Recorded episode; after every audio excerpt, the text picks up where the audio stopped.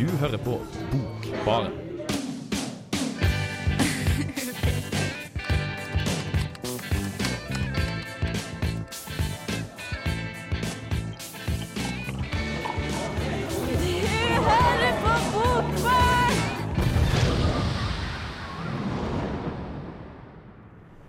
Hei, hei, og velkommen til Bokbaren. I dag eh, har, vi ikke, har vi ikke med oss Vetle i studio, men du er her, Johannes. Hei, hei, hei. Og uh, vi skal snakke om noen av de Kanskje mest kjente, en av de mest kjente formene innenfor romankunsten. Og det er dannelsesromanen, eller utviklingsromanen, eller oppvekstromanen, eller hva enn du vil kalle det. Eller litt sånn artig tyske uttrykket 'bildungsroman'. Ja, det, det er det tyske ordet. Ja. Og det passer faktisk jævlig godt, for vi har med oss eh, to store tyske i dag. Det er Goethe, som du har lest. Yes. Og det er hvilke, hvilke bok har du Ja, det er Wilhelm Meisters læreår av eh, Johan Wolfgang von Goethe. Ja, og han er en av, han er en av verdenslitteraturens desidert største navn, egentlig. Ja, han er det. Og så er det eh, selvfølgelig Thomas Mann, som har skrevet 'Trolldomsfjellet', som kanskje ikke er en eh, veldig tradisjonell um, oppvekstroman. Det er ikke så mye oppvekst igjen, egentlig. Dette er mer en sånn dannelsesroman. Uh, som er skrevet under modernismen. Den er mer klassisk. Eh, Ja, det min er mer klassisk. Ja. Det, og det som vi skal komme tilbake til, så er det helt tydelig i stilen i de forskjellige bøkene. At um, den her er skrevet i en sånn klassisistisk tradisjon. Men det er litt kult at vi har de her bøkene her, syns jeg. For at det, det er jo på en måte De representerer, representerer to uh, ytterkanter av den da, tradisjonen i dannelsesromanene. De gjør det. Ja. Og altså, det er litt kult, for det eh, Goethe og Mann ligner egentlig litt på hverandre som forfatter. Sånn, eh, de har jo begge skrevet Faust-bøker. De har begge skrevet oppvekstromaner, og de, de ligner egentlig litt på hverandre sånn Ja, på én måte, iallfall. Ja, men det er et veldig godt poeng. For at, eh, jeg tror at um, han godeste Thomas Mann hadde jo litt annet Han var en modernist og hadde litt andre forbilder tidlig i karrieren, men etter hvert så ble eh, Goethe et forbilde for han da. Ja. Så han har jo tatt Det er nok bevisst, da. At han har tatt og behandla en del av det samme samme, eh, samme formene og eh, fenomenene som Goethe som f.eks. i dansesroman og i Faust-motivet, der Goethe har eh, tragedien Faust, og Thomas Mann har en bok som heter Doktor Faustus. Ja. Men uh, vi skal snakke mer om disse bøkene etter en sang. Dette er Runny Moles med Filco Fiction.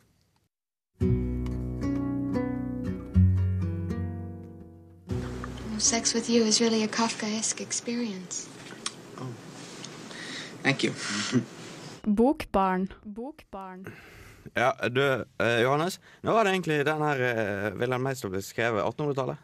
Nei, 1700-tallet. Han begynte vel å skrive den i ca. 1877, hvis jeg ikke husker helt feil. I hvert fall så brukte han noen år på det, men den kom ut da først i den endelige versjonen eh, som han skrev, Goethe, i eh, 1795 eller 1796, rundt der. Og tingen er at eh, Goethe har blitt sånn han, han er kjent for å ha skrevet at det der på en måte er den første dannelsesromanen. da. Den første romanen som prøvde seg på noe sånn som det han har gjort. Ja, det, Den er ikke på en måte Eller sånn, det kommer litt an på hvordan du ser det, men den første Men ja, den er en sånn modell for selve sånn som dan, den moderne dannelsesromanen har, eh, har blitt skrevet senere. Men jeg satt og tenkte på noe annet i stad. Det er at eh, på en, på en måte kan man si at all, eller veldig, veldig, veldig mange fortellinger i hvert fall handler litt om det. da. En, en person som liksom går ut og reiser rundt i verden og lærer av det. Eksempel sånn urgamle ting som Odysseen. da. Ja, ja, men Og så har du jo eh, det, er veldig, det er egentlig veldig vanskelig å si kort oppfattet hva en dannelsesroman er. Men de to vi har med i dag, er vel kanskje ikke de som er mest kjent for det norske folk. Det er mange nordmenn som har skrevet veldig veldig kjente opp eh, dannelsesromaner. Christensen har skrevet Beatles. Eh, Mykle har skrevet 'Lasso rundt fru Luna'. Oh, ja, Du har JD Salinger sin 'Catcher in the Rye', som har blitt verdenskjent. En av de mest solgte bøkene noen gang. Fordi at Delvis fordi at han bare gadd ikke å snakke om Han var bare så lite offentlig person. Han skrev én bok, det var en jævlig bra bok. Og den handler også om oppvekst. Hva, hva tror du det er med, med dannelsesromaner som er så på en måte fengselet. Godt spørsmål, da. Um, det er vel det at um, det er relevant for folk, da. Relevant for mennesker å lese om hvordan en eh, fiksjonshelt eh, blir på en måte forma, da. Så for at de på en måte Jeg tror det gir eh, perspektiv og innsikter i sitt eget liv, da. Ja, for det, det, er det jeg også tenker. De måte Det er ikke, det er ikke bare det. Det er ikke, det er ikke bare det. det er på en måte, de er veldig gode til å fange tidsorden også. Ja, det Det er sant. ting, det er på en måte spesielt Jeg vet i hvert fall at Trolldomsfjellet som jeg har lest, er veldig veldig avhengig av sin egen tid. Tiden før første verdenskrig. Hvilke strømninger var det som gikk gjennom der også. Men det er mye nettopp det der med at det er en person som blir utsatt for mye inntrykk. Endrer seg litt og sånne ting. Og på en måte prøver å finne sin egen vei. Det er veldig mye allmennmenneskelig og tidløst i det også.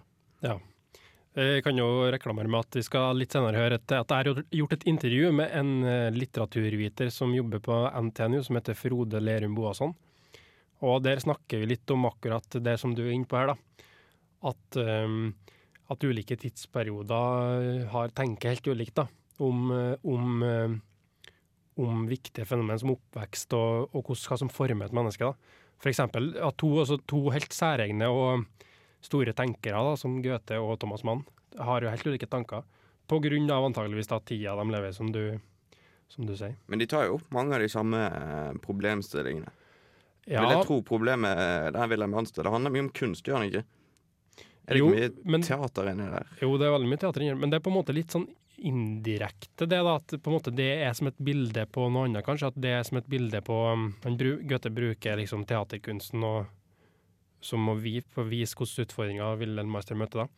Men, og jeg tenker at de um, de behandler litt det samme så tenkt, som du tenkte. Jo, jo, men samtidig så er det litt sånn at de har um, Altså, ut, utfallet blir jo forskjellig, da.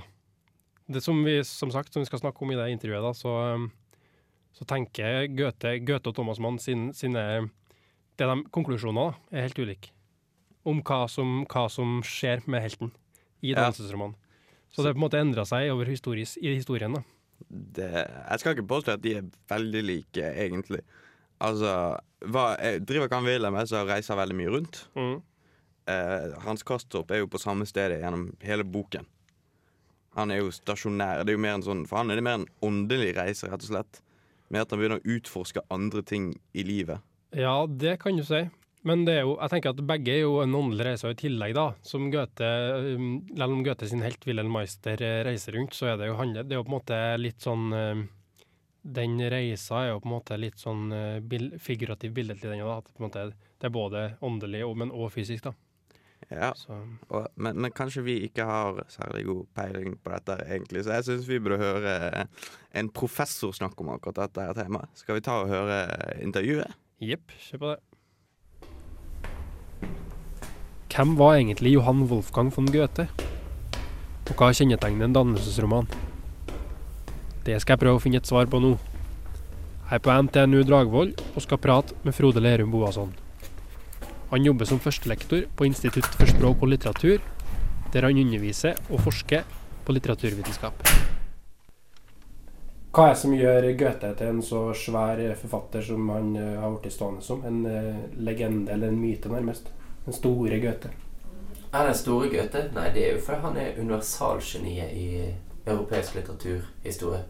Selvfølgelig har du Shakespeare og Dante og ja, en del andre som er helt, helt der oppe. Men i tysk sammenheng så, så kommer man ikke utenom Goethe. Han skriver i alle sjangre. Dikt, prosa, revolusjonær roman, han revolusjonerer drama med Faust. Han skriver fargelære, og han er et sånt universalgeni som alle tar opp sånn fra etter fra, fra Schiller, Nietzsche, altså hele gjengen eh, og videre i tysk historie, så, så er Goethe han er på en måte pers personifikasjonen av geniet. Goethes roman 'Wilhelm Meisters læreår' regnes ofte som den første dannelsesromanen. Men hva er egentlig en dannelsesroman? Når man skal lese uh, Wilhelm Meister, så er det viktig å vite at det er en dannelsesroman. Og dannelsesromanen er skrevet etter et helt enkelt og klart mønster. Ung mann, ofte romantiker, har mange drømmer om hva han skal gjøre og hvordan han skal leve. Blir sendt ut i verden. Blir der orientert og langt mer realistisk i møte med verden. Og finner sin plass i samfunnet. Sin stand og stilling, som det het på 1700- og 1800-tallet. Begynnelsen av 1800-tallet. Sånn at man får rett og slett en ung helt, reiser ut, blir konfrontert. OK, dette er min plass. Jeg er borger. Og så vender han hjem på slutten av, romanen, og da er man dannet og blitt klar for å gjøre sin plikt og utføre sin, så å si Ja, det som bes, utføre det som er bestemt for deg i det samfunnet. Mm. Eh, og det gjør jo Wilhelm Meister. Han åpner som en romantisk forelsket ung mann. Reiser ut med denne teatertruppen og opplever masse greier. Og vender tilbake igjen da som, som en moden og mer realistisk skikkelse. Mm. Og det er oppskriften for andre romaner som følger den oppskriften fra Goethe, som Grune Heinrich og en del andre. Og så blir det en veldig viktig skal si, subsjanger av romanen i europeisk tradisjon. Mm. Som også da går frem og blir um, kjempeviktig for mye av den moderne tyske litteraturen. Kan man si at Goethe finner opp, eh, finner opp dannelsesromansjangeren, eller fin, det fins kanskje lignende ting fra før, men i den formen som vi kjenner nå, så er han Altså, det fins jo uh, Den hva skal man si, konfrontasjonen med verden finner man jo i hele romanen. Altså fra Don Quijote som går ut og blir eh, realitetsorientert. ja, Men eh, det Goethe gjør sammen med noen andre tyskere, som han blir i hvert fall blir i hvert fall berømt for, er å liksom perfeksjonere mønsteret med Wilhelm Meisters læreår. Og så kommer det en roman etterpå som heter Wilhelm Meisters vandreår. Men det er eh, læreårene da som blir det standarden for, for um, dannelsesromanen. Jepp, dette er Frode Grøtten. Eh, lytt på Bokbaren på Radio Revolt. Ta deg en eh, god drink. Ja, ja. Um, Goethe. Goethe, Goethe, Goethe. Han, han, han snakket jo veldig varmt om Goethe, da. Det, Han sa at han var et universalgeni. en Altså, han, han er på lik linje med Shakespeare og Dante.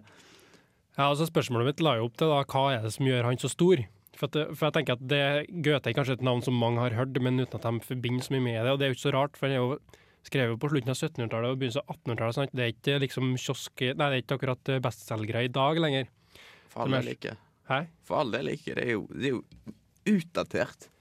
Det er jo Nei. faktisk Jo, Goethe er jo faktisk utdatert. Nei, det er vel det som gjør han til et geni, tenker jeg. At det er ikke er utdatert. For at det, sånn som det, boka som du er så glad i, 'Trolldomsfjellet', det er jo helt avhengig av Goethe igjen. Så på en måte all litteratur må jo se tilbake for hvordan litteraturen spiller hele tida på sin egen historie, da. Tenker jeg. Men, eh, men eh, jeg tenker som han Frode Lerum Boasson sa, at uh, Goethe er et universalgeni. Bare tenk litt på hva han, han vant å i sitt liv. da. Altså han Født i 1749, altså midt i liksom opplysningsprosjektet, da, der de hadde veldig tro på at mennesket skulle bli jobbe seg fram til å nå nye høyder gjennom fornuft. da. Og Goethe liksom eh, gjorde så utrolig mye rart. Altså, jo, først så begynte han å studere juss i ungdommen, og, mm, men droppa vel ut av det, tror jeg. Men så, så er han jo veldig kjent for den Stormont-Drang-bevegelsen, som på en måte var en forløper for romantikken. da, Og da skrev han jo Hva er det den heter, den der eh, Unge verders lidelser. Ja, den som satte i gang en selvmordsbølge gjennom Europa for at folk som var i samme situasjon som han, håpløse romantikerne, de tok livet på samme måte. Ja, de ble inspirert av boka. Så han fikk veldig stor eh, kan man si, så han fikk veldig stor innflytelse her, da, og som sagt altså var veldig tidlig ute med liksom, romantiske motiv, da, med en ung, liksom, følelse, følelsesfull mann som følte seg fremmed i verden. Men da, altså på 1800-tallet, da romantikken innenfor kunsten virkelig begynte å ta av, så tok jo Goethe avstand fra det. Da var han jo på en måte, da hadde han et litt annet kunstsyn igjen. Så han var stadig i utvikling, og som Frode nevnte, han, eh, han drev med botanikk og biologi, og liksom studert alt mulig rart, da, som på en måte Han mener egentlig litt om eh, da Vinci. det, Bare at han ikke ja, malte, han lagde bøker istedenfor.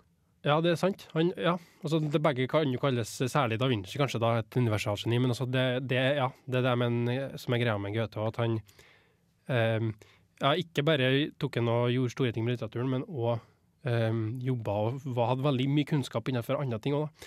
Men ja, fortsatt, for å fortsette litt på, på litteraturen, da, så tok han jo òg og um, revolusjonerte eh, dramaet med Faust, da, som um, Ja, men en du, du, du, du, du. Faust er et stykke som veldig sjelden blir oppført i sin helhet. Hvis du skal oppføre det i begge deler, så tar det 13 fuckings timer. Og del to er jo bare absurd som faen. Ja, du har rett i det. Altså, Men, det, er eh, jo, det, er jo, det er jo et veldig veldig rart stykke. Så jeg vil ikke påstå at han revolusjonerte drama. For den endret jo egentlig ikke drama på noen som helst måte. Jo, jeg tror, det, jeg tror kanskje det er særlig Faust Jeg er enig med i Faust 2, jeg har ikke god grep på det, for jeg har ikke lest det, men Faust 1 har jeg lest, og det har vel noe med eh, liksom det storheten i det, og liksom dybden i det han, han, han um, diskuterer. diskuterer, ja. Ja, men, men nå som du ser liksom sceneanvisninger, sånn, de er jo helt uh, bak mål, liksom. Det er så, da mener jeg at de er på en måte så omfattende, det er så skiftende og rare scener, og liksom altfor mye som ikke, nesten ikke går an å gjennomføre, da. På teatret, det er jo det du sikter til, men, Men jeg skjønner jo på en måte at den, den del én tar opp veldig mange veldig viktige temaer. Har en Ja. enorm dybde. Ser mennesket på nivå som veldig få noen gang har greid. Ja. Og det er jo på en måte Jeg skjønner jo ut ifra det at Goethe blir ansett som et geni. For det er kanskje et av de mest tidløse stykkene som noen gang har blitt laget. ja, sant. Det er ikke så mange forfattere som har stykker som helt tatt blir stående igjen. Pluss at det var jo en av de En av de gangene Satan ble fremstilt som en sjarmerende type. ikke sant? Og det, jo, det var jo jævlig viktig. Han er kul, han Det er jo sånn, det er sånn vi liker Det er sånn vi liker Satan. Det er det jeg mener. Det, det som er på en måte revolusjonerende med det En av tingene jeg tenkte ikke på først nå, men du minnet meg på det. At uh, altså det er jo Faustmyten er en gammel myte i tyske folke, folke, eh, folkemytene. Men det Goethe gjorde da, var jo å, å personifisere djevelen, ja, som du sier, i Mef eh, karakteren Mephistopheles. Det var ikke gjort før. Så det er en veldig sånn Goethe baserer det på, på gamle sagn, men gjør på en måte fortellinga så uendelig mye sterkere. da. Um, men eh, jeg har en bok her av, en, av oversetteren av uh, bl.a. Wilhelm Meister og flere andre Goethe-bøker, som heter Sverre Dahl. Um, der han skriver litt om Goethe, da, og han sier jo nettopp det som du var inne på her, at uh, som, det som Goethe behandler i Faust, da, liksom, hva er som Faust er jo på søken etter kunnskap, han vil vite hva er som holder verden sammen. Og han Sverre mener at det er kanskje det som hovedspørsmålet til Goethe. da. Så det er et veldig stort, uh, stor tema, da, og stor um, Store um, Hva skal man si? Ja, det, det, det er et veldig stort tema, så er det en veldig interessant konklusjon også. Faktisk. I Faust, tenker du? Ja, og hele han der Faust-typen til Goethe er en helt fantastisk karakter, egentlig. For at han representerer så mye. Han, han representerer noe veldig sånn essensielt. Det tror jeg alle mennesker dette Ja, er ønsket om å, finne ut av alt. Se Ja, en ja. sammenheng i alt, bare skjønne verden. Så det Goethe gjør jo, det er jo igjen det med universal, universalisme, hvis det heter det. Altså det universelle. Goethe greier å gjøre karakterene sine universelle. Ja. Så at Faust er en fyr som på en måte er menneskeheten, akkurat som Hamlet. For at Fa Faust har noe som alle har, da. Det, med, det er jo på en måte menneskets um, grunnleggende, grunnleggende modus, kan du si. Det å hele tida vil votte ting og prøve å skjønne ting. Og, sant? Det er derfor vi har fått til litt forskjellige ting som vi har fått til, liksom. Ja, Så Goethe er kanskje en gammel mann og eh, det gammel litteratur, men han er tross alt Han er et geni verdig. Men nå skal vi gå over til en sang. Dette er 'Vacation' av Seaman Midtlid. Hi, I'm David Van, Radio Revolt, Trondheim. Faust det var kanskje Goethe sitt mesterverk, faktisk. Ja. Han er store Han, han brukte hele livet sitt på å planlegge den dritten der. Ja, han gjorde det. Faust del to ble Altså, Goethe jobba, jobba, jobba øh, med kunsten sin helt fram til han var Jeg tror han var 82 år. Han er jo, altså den er, Det er faktisk interessant. Den, er, den siste delen For han skrev Faust del 1, ikke sant? Og så døde sekretæren hans, eller sånne ting, som hadde pushet han til å gjøre det. Og så tenkte han at nå skal han aldri skrive Faust til 2, for han gadd ikke. Men så kom det en ny sekretær, som pushet han til å skrive den også. Ja. Og det er på en måte Jeg tror han la hele, alle tankene sine inn i det verket. Jeg tror òg det. Men- Og så tror jeg òg at, s- som du sa, Faust 2 er, det er veldig svevende så rart, uh, sies det. Jeg har ikke lest det, men uh, har nå hørt det. Men det er kanskje Det viser litt utviklinga i Gøttes forfatterskap. Og at i, altså i ungdommen så var han jo mer, som kanskje unge folk ofte er, at mer sånn opptatt av eh, brennende følelser og sånne sterke ting. Men så ble han mer sånn reflektert og, og avmålt, kan du si, kanskje, da. Ja, jeg tror, jeg tror det var først da han begynte å bruke Altså, jeg prøvd meg på Faust, òg. det jeg legger veldig godt merke til i det stykket, det er de enorme referansene, mengden referansene har til andre verker, Ja. til andre myter, til andre, annen litteratur. Og er det ikke litt likt med denne Wilhelm Mester? Er det ikke mye allusjoner og sånne ting, eller på en måte referanser? Ting du må forstå for å kunne forstå hele boken? Jo, jeg tror nok, jeg tror nok ikke det kan sammenlignes øh, med, med Faust. Der er det nok enda mye mer. Men det er jo en del ting, da. Det er blant annet noen øh, sånne mm, litt sånn øh, bibelske referanser og sånn. Men jeg vet ikke helt, altså. Nei. Det er mulig at det har gått meg hus forbi, forbi når jeg leste det, da, men jeg tror ikke at det er i like stor grad, nei. Men, eh, men altså, som vi snakka om i stad, altså det, litt er det jo, i, sånn som i all litteratur. da. Jeg kommer ikke på noen eksempel eh, Men eh, du har sagt at eh, du likte å lese den boken her. Å ja. Og Altså- ut, ok, La oss drite i sånn utenom la, Jeg har lyst til å si drit i språk og sånne ting, Mm. men bare, bare ta alt. Hva, hva er det som gjør denne boken her til en bra bok, til tross for at du leser den var 300 år etter at den kom ut? ja. 200 år, kanskje. Ja. Nei, men det som du sier, Man trenger ikke gå så nøye inn på språk, eller for det er så mye andre ting som er, er veldig givende. Og I starten så var det litt sånn, det er litt sånn forvirrende start, og, man, og jeg skjønte ikke helt hva, hva som egentlig skjer i handlinga nå. Men jeg kom raskt inn i det. Og da jeg føler jeg veldig at det er veldig artig å lese, egentlig. For at eh, den er ikke så tung å lese, og det er veldig korte kapittel. Den er delt inn i åtte deler, av boka, tror jeg det. Så liksom det, det, hver del har sine sånn ti kapittel cirka, da. Men Ja. små, små kapittel, liksom. Så det føles veldig lett å lese. Altså sm små episoder som Goethe, Goethe skriver ut, da. Og det er sånn som uh, han Boasson sa i klippet i stad, så er det jo uh, hoved, uh, Hovedsaken er jo helten, da, Wilhelm Meister, sitt subjekt som går ut og møter verden. Og i subjektets møte med verden, altså Wilhelm Meister, da, sitt møte med verden, så, form, så formes han av de erfaringene han får. da. Så i starten så er jo Wilhelm Meister helt tydelig veldig naiv, og han er veldig sånn ungdommelig. At, han skjønner ikke seg på forretninga, faren hans er forretningsmann, og liksom ser bare liksom idealisme og det gode bestandig.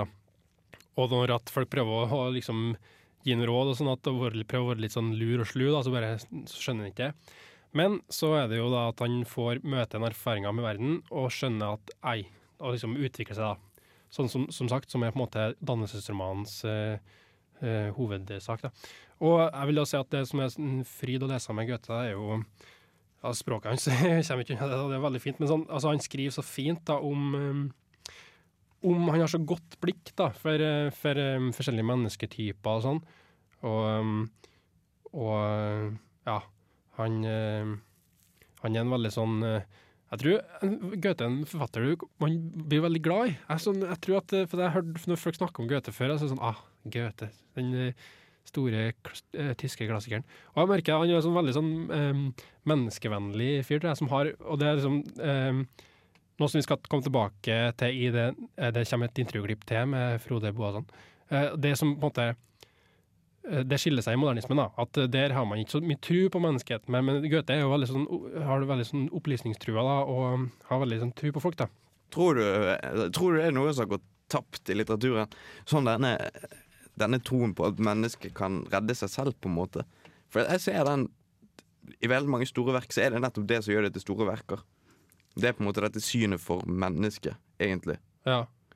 Og tror du Har du lest Jeg, jeg syns det har gått litt tapt i den moderne litteraturen. Jeg syns det er noe som henger veldig sammen med den klassiske litteraturen. Ja, men jeg er enig. der. Det er nok, eh, det, det, du er nok på sporet av det der. At, eh, for at ja, Det handler jo en god del om liksom, ting som skjer i modernismen. da, F.eks. Eh, industrialiseringa, som gjør at folk Da er vi over på så klart Karl Marx og sånn, liksom at folk liksom selger arbeidskrafta si og, og gjør veldig sånn manuelt og, og upersonlig arbeid. da. Og du, så klart kommer verdenskrigene. sant? Det er en uendelig meningsløshet.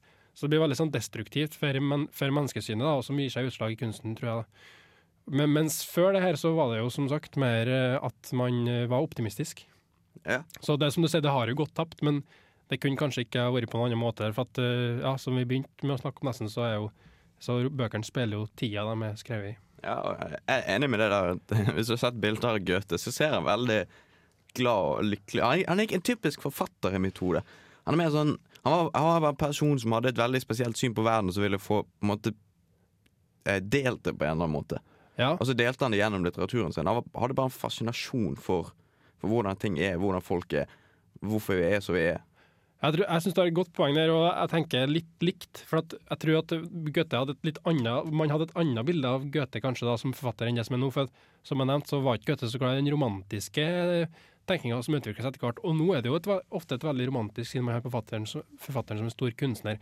Mens Goethe var mer opptatt av at kunsten skulle læres. da, at man, Han var veldig opptatt av gresk kunst, da, som var på en måte målet. da, eh, liksom Som klassisismens eh, mantra. da, sånn eh, edel Nei, hva er det? Edel eh, stillhet Nei, stille storhet. Edelt Det er sånn noe, annet med enkelhet og stille storhet, da.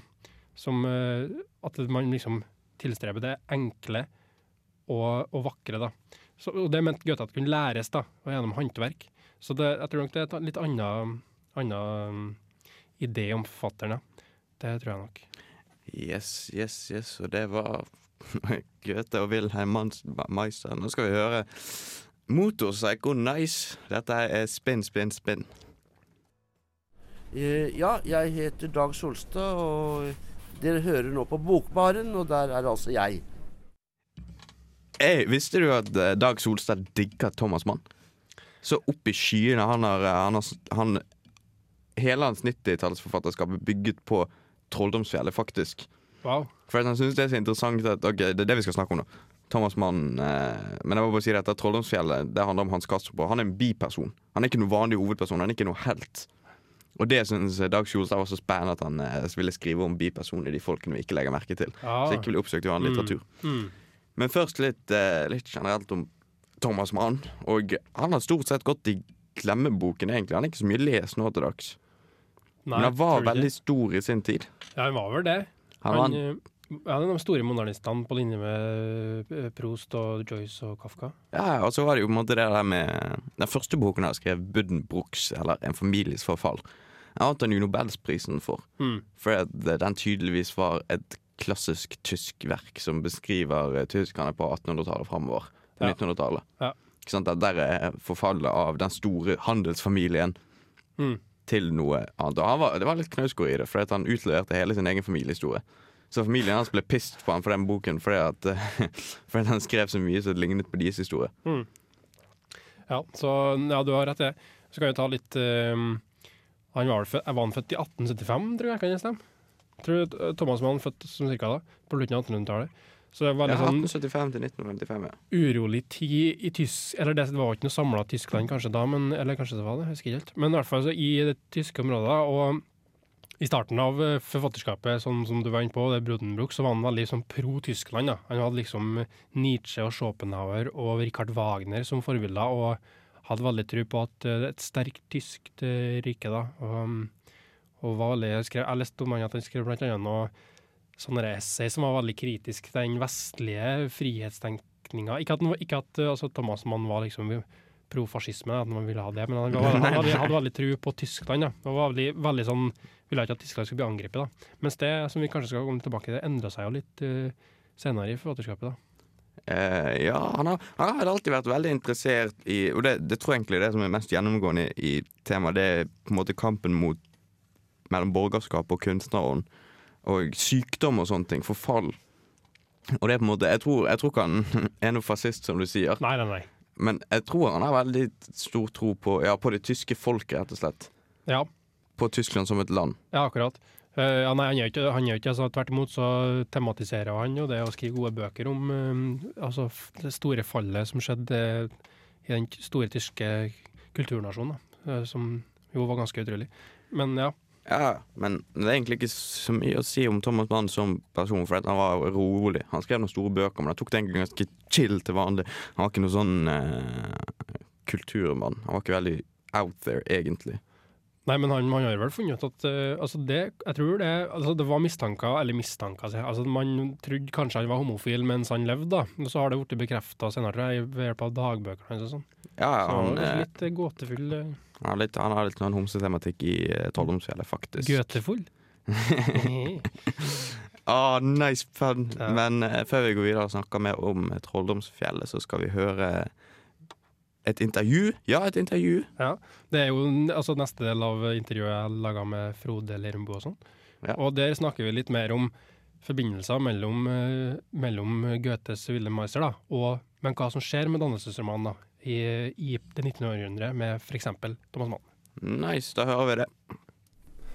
Så forholdet mellom Goethes roman 'Wilhelm Meisters læreår' og den, også den tidlige dannelsesromanen og Thomas Manns 'Trolldomsfelle' er da på en måte at uh, 'Trolldomsfelle' er på en måte det er en slags intertekstualitet, eller at det er en slags parodi. Det er en slags parodi, og det er en eh, åpenbar um, intet masse intertekstualitet som Interteksten spiller uh, de to romanene viktig for hverandre. Men uh, men Trolldomsfjell er ofte kalt for både en dannelsesroman og en avdannelsesroman. Det er det som er vanskelig, og som er utrolig eh, fascinerende når man leser boken, at man, hovedpersonen Hans Kastrup han blir mer og mer hva skal man si, utvikler seg mer og mer intellektuelt. Men jo mer han utvikler seg i filosofiens høye diskusjoner og i samfunnsmessige problemer, jo mer han leser, jo mer han så å si blir det man i gamle dager kalte dannet, jo mindre finner han sin plass i samfunnet. Så der ville Meister, jo mer han lærer, jo mer så finner han seg til rette i sin stand og stilling. Så jo mer Hans Kastrup lærer, jo fjernere blir han fra det samfunnet han en gang var ingeniørlærling i. Så han kommer som en sånn helt nyttig person. Alle ingeniører sin plass i, er å bringe mer nytte til det borgerlige samfunn. Men i lys av første verdenskrig og det som blir et slags meningskollaps, så, så opplever både Thomas Mann og, og han samtidig forfatter det som at man har ingen plass i samfunnet. Det er det Lukács da kaller for transcendental hjemløshet. De moderne romanheltene lider av en, av en hjemløshet. De kommer aldri hjem. Og da, hvis du ikke har noe hjem, så eh, får man eh, er det vanskelig å, å skrive en dannelsesroman. Mm. Og når det gamle mønsteret da tas opp igjen, så kan man se det som en lek eller en parodi på at dette mønsteret ikke lenger passer.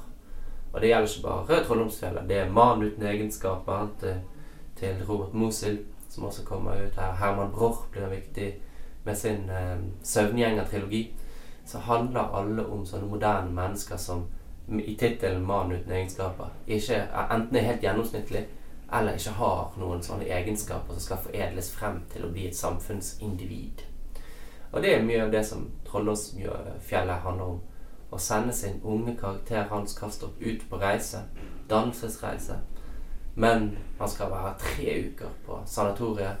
Blir der i syv år. Og han opplever en helt sånn klar dannelses eh, dannelsesprosess som får en formtopp i et kapittel som heter 'Snø', hvor han så å si forlater de romantiske idealer og blir humanist. Og så glemmer han alt sammen igjen. Og så, eh, det er en slags drøm for han. Han glemmer det, og så faller han tilbake igjen i trolldomsfjellet, sin magiske sfære. Og så ender romanen med at han som borger så å si parodien, den ultimate parodien som borger når han drar tilbake igjen til samfunnet, så er det som soldat i første verdenskrig. Og som jo er Parodien her romanen kommer i 1924. Når borgeren skal finne sin plass, så er det som kanonføde. Og fortelleren da tørker, et tørker en tåre i øyekroken og sier at han har en historie, det er en viktig historie, men nå forlater han han på slagmarken. Og der under, eller gir han en liten sjanse til å overleve. Og mens Willemeister da finner hjem, så finner eh, Hans Kastrup en uviss skjebne på slagmarken. Sånn som jo åtte millioner andre borgere i første verdenskrig gjorde. Jeg heter Erlend Nøttet, og du hører på Studentradioen i Trondheim. Ja, det, det han sa om at dette er på en måte en avdannelsesroman, det, det, det kjenner jeg veldig godt igjen i.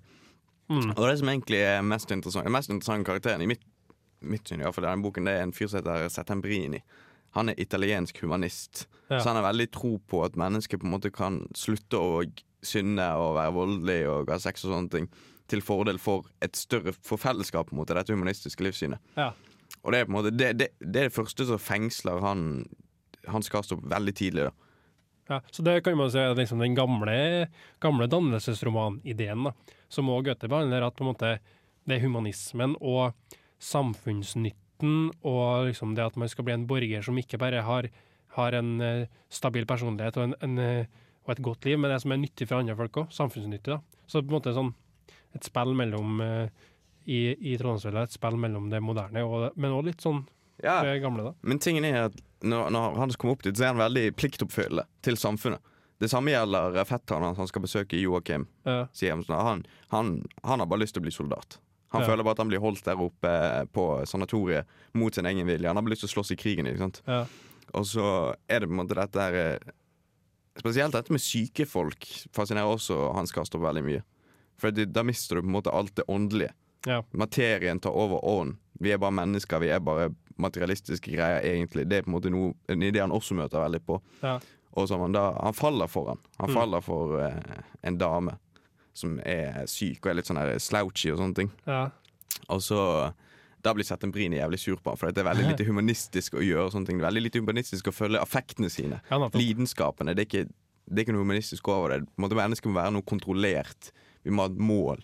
Vi må stadig prøve å forbedre mennesket istedenfor å forfalle selv. Eller hjelpe andre å forfalle. Ja, ja nettopp. Det er jo en den gamle, gamle gode humanistiske tenkemåten. Men jeg lurer på, er det sånn at eh, For jeg har lest det at eh, Jeg har ikke lest Troll- Trolldomsfjellet, jeg vet ikke om jeg har sagt det, men jeg har lest om den da at den sammenlignes ofte med andre modernistiske eh, litterære karakterer, altså Hans Kastorp i karakteren i Trolldomsfjellet. Som eksempel hos Kafka, K hos Kafka, eller, eh, eller hos eh, James eh, Joyce. At, at de på en måte eh, eller Robert Musil, at de ikke har en sterk nok personlighet. på en måte, at de ikke, altså Robert Musil skrev om 'Mannen uten egenskaper', som handler om at de på en måte ikke finner Sånn som eh, Frode snakka om i klippet, at de ikke finner noen slags eh, følelse av hjem. Da, Så at eh, Han refererte teoretikeren Georg Lukács, som snakker om transcendental hjemløshet. At heltene ikke har noe De klarer ikke å bygge en sterk nok karakter. De klarer ikke å bygge sterke nok forbindelser til verden. Da. Og dermed er det, er det, har det noe med det å gjøre, at han på en måte forfeller til, til ting som sykdom og fascinasjon for det. Ja, altså, det er jo på en måte dette Jeg tror, jeg tror det han møter på, er at måte, Før han kommer hit, så har han egentlig ikke hatt noen karakter. Hans Kastrup er en karakterløs, gjennomsnittlig tysk mann. Ja, nettopp. Og så møter han på ideer som måte, hans karakter ikke greier å takle. Så på måte, han, han har ikke noe beskyttelse. Han, på måte, han hadde ikke forventet å møte på eh, Settembrini, som er veldig flink til å snakke. Han er veldig retorisk flink til å legge ut ideene sine. Han hadde ikke vært vant til å møte sykdommen eller eh, eh, hva er dette, psykoanalysen. Han møter på en måte mange ideer av mennesker som han har blitt beskyttet fra i det tyske borgerskapet. Og så er det på en måte en historie om hvordan han takler disse ideene, hvordan han greier å opprettholde seg selv. Mm. Så det er på en måte han starter på dannelsesreis- dannelsesreisa som han har behov for, men så kanskje han ikke greier å ta det til seg, ikke greier å bygge den karakteren. da. Nettopp. Mm. Det er på en måte Det er egentlig litt, et litt pessimistisk syn på hovedkarakteren sin. Det er jo det. Det at han ikke takler verden, ikke takler tiden, ikke takler de nye ideene. Ja. Og på en måte da vel, gir opp på slutten og går til det som er enklest å følge. Ja. Lidenskapene, pasjonen, den her Å ja, og alt det der. Men nå, nå er vi ferdig. Ha det bra. Ha det.